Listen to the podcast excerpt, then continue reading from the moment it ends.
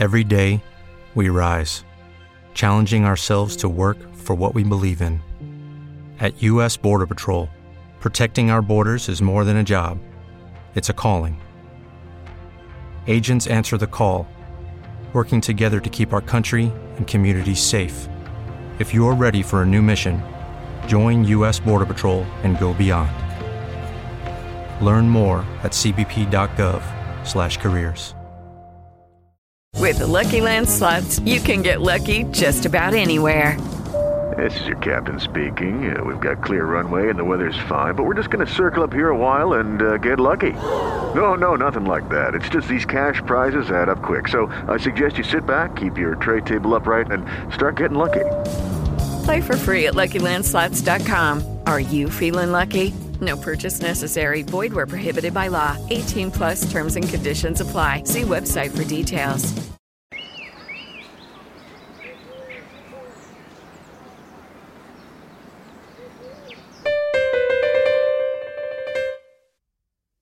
Her şey yerli, herkes yerinde.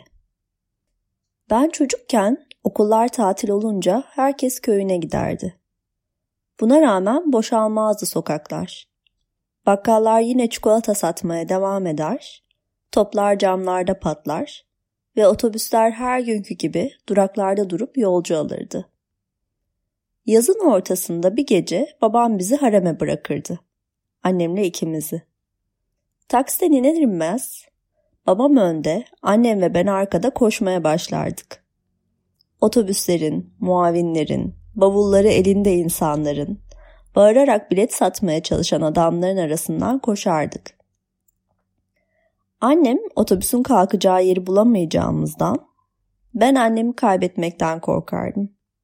Babam çok eğleniyor olmalıydı bu sırada. Çünkü annem bavulumuzu hazırlarken o bir büyüğü bitiriyor olurdu. Nihayet bizi uzaklara götürecek, bana kocaman gelen otobüsün yerini bulduğumuzda, bavulumuz bagaja yerleştiğinde ve satın aldığımız koltuklara oturduğumuzda güvenli bölgeye ulaşmış olurduk ve annem dışarıda sigarasını içerek otobüsün hareket etmesini bekleyen babama söylenirdi. İçmese olmaz. Her seferinde aynı şey. O zamanlar en korktuğum yerde o mahşer kalabalığı. En sevdiğim ve en heyecan verici şey ise gecenin içinde başka bir şehre yol alan o kocaman otobüsün içinde olmaktı. Yıllar sonra bir arkadaşım haremle ilgili bu korkumu paylaşan bir hikaye anlattı bana. Haremde kaybolmuş. Bir yazıhanenin içinde tanımadığı insanların yatıştırıcı sözlerine güvenip güvenemeyeceğini bilemeyerek endişeyle beklemiş ve sonunda ailesi gelip onu almış. Tabii ki yalan söylüyordu. Benden başka hiçbir çocuk o kalabalığı, kalabalığın yarattığı kaybolma endişesini yaşamamıştı. Gün ağrırken iki yanımızda tarlalar ve tek tük ağaçlar belirirdi. Yolcular ya uyuyor ya da uyku mahmuru olurlardı. Pencereden izlediğim tarlalar ve ağaçlar bir şey yapardı bana. İçimde bir yere oradan tekrar geçeceğime ve yalnızlıklarını paylaşacağıma dair söz verdirirlerdi. Diğer yolcuların gidecekleri yerde yapacakları şeylere dair planlarla dolu olurdu kafaları. Bunu ışıksız gözlerinde, aşağıya doğru inmiş yanak çizgilerinde görürdüm. Ağaçlar ve tarlalar da hissederdi bunu. O yüzden oradan tekrar geçme yemininin ağırlığı sadece benim üzerimdeydi.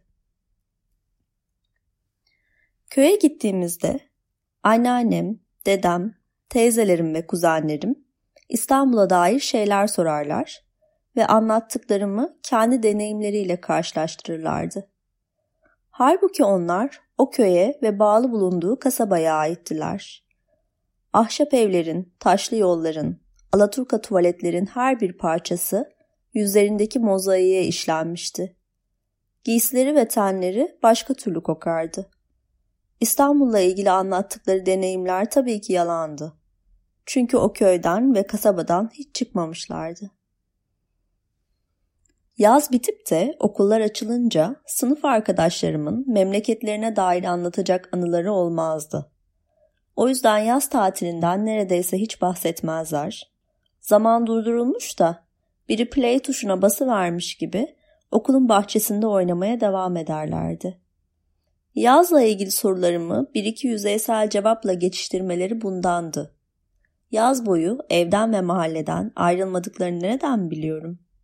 Ağaçların ve tarlaların sırlarıyla ilgili üstü kapalı sorularıma cevap veremezler, anlamsızca yüzüme bakarlardı. Uzaklaşmalar ve değişen mekanların kalıntıları sadece benim içime yapışıyor diye kendimi özel hissettiğimi sanmayın. Bu izleri onlara da bulaştırabilmek için ne çok uğraştım.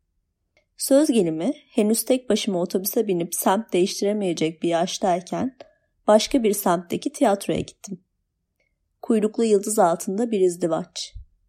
Bileti alıp insan kalabalığının içine oturduğumda şaştım herkese. Aileler, arkadaş grupları, sevgililer. O gündüz aydınlığında dışarıdaki yığından kopup nasıl gelebilmişlerdi buraya? Onlar buradaysa dışarıda kim vardı şimdi? Peki farkındalar mıydı buradaki varlığımı sadece benim bildiğimi? Sahnede izleyip beni etkisi altına alan büyü bozulmasın diye onu en yakınıma bulaştırmaya karar verdim. Eve gider gitmez tüm dekoru sahneler halinde deftere çizdim. Bütün oyun aklımdaydı. Ertesi gün okula gidecek ve sıra arkadaşıma tüm oyunu sergileyecektim. İlgilenmedi bile. Çizdiğim dekora şöyle bir bakıp akşam bitiremediği ödevini yapmaya koyuldu. Aynı sene maddi durumu bizden daha iyi olan amcam beni kuzenlerimin yanına katıp tatile götürdü. Deniz kenarında, bahçesinde kocaman bir havuzu olan yıldızlı bir otelde gerçek bir tatil. İlk gün her gördüğüm yenilik bende şok ve hayranlık etkisi yaratırken, ikinci günden itibaren oraya aitmişim ve bunları benimsemişim gibi davranmaya başladım. Yine de belgelemek istiyordum bu yeni durumumu. Amcamdan izin alıp sıra arkadaşıma telefon ettim. İnanmayacaksın dedim ona. Balo salonu gibi bir yerde gümüş kapaklı kaplar içinde bin çeşit yemek var ve her istediğini alabiliyorsun elinde tabakla dolaşıp. Bu görüntüyü hayal edemediğini anladım verdiği cevaplardan. Belki de uydurduğumu düşünüyordu. Hayal kırıklığı içinde kapadım telefonu. En kötüsü ise kürkçü dükkanına döndüğümde bana yine bıraktıkları benmişim gibi davranmalarıydı. Yolculukların ve değişen mekanların öznesi değilmişim. Bunları yaşamamışım gibi doğaldı ve bıraktığım gibiydi tavırları. En çok buna güceniyordum. Yolculuğa çıkmama bile gerek yoktu aslında. Rüyalarımda kötü adamlardan kaçıyor, bir dağdan diğerine atlıyor ve şömineli evlerin bacalarından Noel Baba gibi süzülüyordum. Uyanınca yerimde duramaz, bu yeni maceranın heyecanını paylaşmak isterdim. Hemen kendi rüyalarından bahsetmeye kalkarlardı bu kez. Uçmadıkları, garip kostümlü kahramanlara dönüşmedikleri siyah beyaz rüyalarını. Hele yakınlarının kılığına girip onları korkutan, uykularında sallayan, hareket etmelerine engel olan karabasanlardan haberleri bile yoktu. Henüz 20 yaşındayken ve hiç uçağa binmemişken bir fırsatını bulup o Akdeniz adasına gittim oysa ben. Gecenin bir yarısı hayatımda bineceğim ilk uçağı karın ağrıları içinde beklerken benimle yaşıt, şişko ve çirkin bir çocuğun o adaya benim gibi turist vizesiyle gidip kaçak olarak kalma planlarını ulu orta anlattığını da duydum. Tehlike içinde olan benmişim gibi titredi içim havaalanının bekleme salonunda. Sivilce suratlı şişkonun biraz hayal gücü ve hisleri olsaydı kapılması gereken panik hali buydu işte. Onun yerine hayal ettim yaşayacaklarını. İçinde bulunduğu tehlikenin heyecanını anlatsam anlayamazdı. Yaşadığında da hissedemeyecekti zaten. İntikam almak için geri dönen korkusuz başrolün ilk ve kolayca öldürdüğü aptal güvenlik görevlilerinden biriydi. Hayat için bir değeri yoktu. O adada yürüyerek üç şehir geçerken ana dillerini bilmediğim dünyanın dört bir yanından gelmiş sınıf arkadaşlarımla kırık dökük bir İngilizceyle anlaşmaya çalışırken düşündüm. Bizim dışımızdaki hayat devam ediyor muydu hala? Biz burada evimizden uzaktayken yatağımız, her gün uyandığımızda ayağımızı bastığımız halı duruyor muydu yerinde? Duruyorsa ne düşünüyordu yokluğumuz hakkında? Olmayışımız ne hissettiriyordu bir akşam yemeği sofrasında? Nasıl ve hangi insan olarak döneceğimizi düşünüyorlar mıydı hiç? Bu sorular kafamı o kadar çok kurcaladı ki oda arkadaşım Mary'e evinin, ailesinin bir fotoğrafını göstermesini istedim. Yanında yokmuş. Garipsedi bu isteğimi. O zaman anladım işte. O yolculuğu yalnız başıma yapmıştım yine. Oda ve sınıf arkadaşlarım benim gibi uzaklardan gelmemişlerdi ve bir yere gitmeyeceklerdi. Oraya yürüyerek üç şehir geçilen adaya aittiler. Oysa ben döndüm. Yakınlarımın hiçbir zaman geçmediği yerlerden geçmiş ve yabancı bir dili rüyalarımı anlatacak kadar ilerletmiş olarak. Bu arada yeni rüyalar da eklemiştim arşivime. Artık sadece rüyalarımda izlediğim, senaryosu bana ait filmler, rüyalarımın gerçeği haline gelmiş, orada işlediğim ölümcül günahlarım ve yaşadığım evlere eklenen, sadece rüyalarda ortaya çıkan pislik içinde odalar vardı. Ama bunları kimseye anlatmaya uğraşıp yormayacaktım artık kendimi. Şimdi bir vapurun içinde Kadıköy'e geçerek bir kıta değiştiriyorum. Diğer yolcular sadece Kadıköy'e gidiyorlar. İş çıkış kalabalığı, karanlık çökmüş ve herkes yorgun. Bir müzik grubu Karadeniz türküleri çalıp söylüyor. Derelerden, ormanlardan, imkansız aşklardan bahsediyorlar. Dinledikleri türkünün etkisiyle Kadıköy'de bir cuma akşamı iki bira içip tepedeki manastıra doğru yürüdükleri Maçka'daki o karlı kış sabahını anlatacak yolcu arkadaşlarım var, biliyorum. Oysa şu yorgun, şehre ait, suratsız insanların hiçbiri görmedi o manastırı.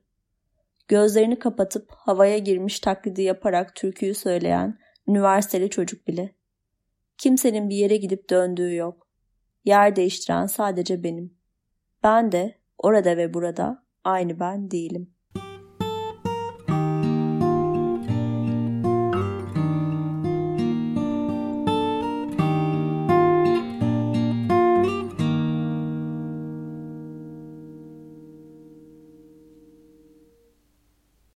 Lucky Land slots, you can get lucky just about anywhere. Dearly beloved, we are gathered here today to. Has anyone seen the bride and groom? Sorry, sorry, we're here. We were getting lucky in the limo and we lost track of time. No, Lucky Land Casino, with cash prizes that add up quicker than a guest registry. In that case, I pronounce you lucky. Play for free at LuckyLandSlots.com. Daily bonuses are waiting. No purchase necessary. Void where prohibited by law. 18 plus. Terms and conditions apply. See website for details.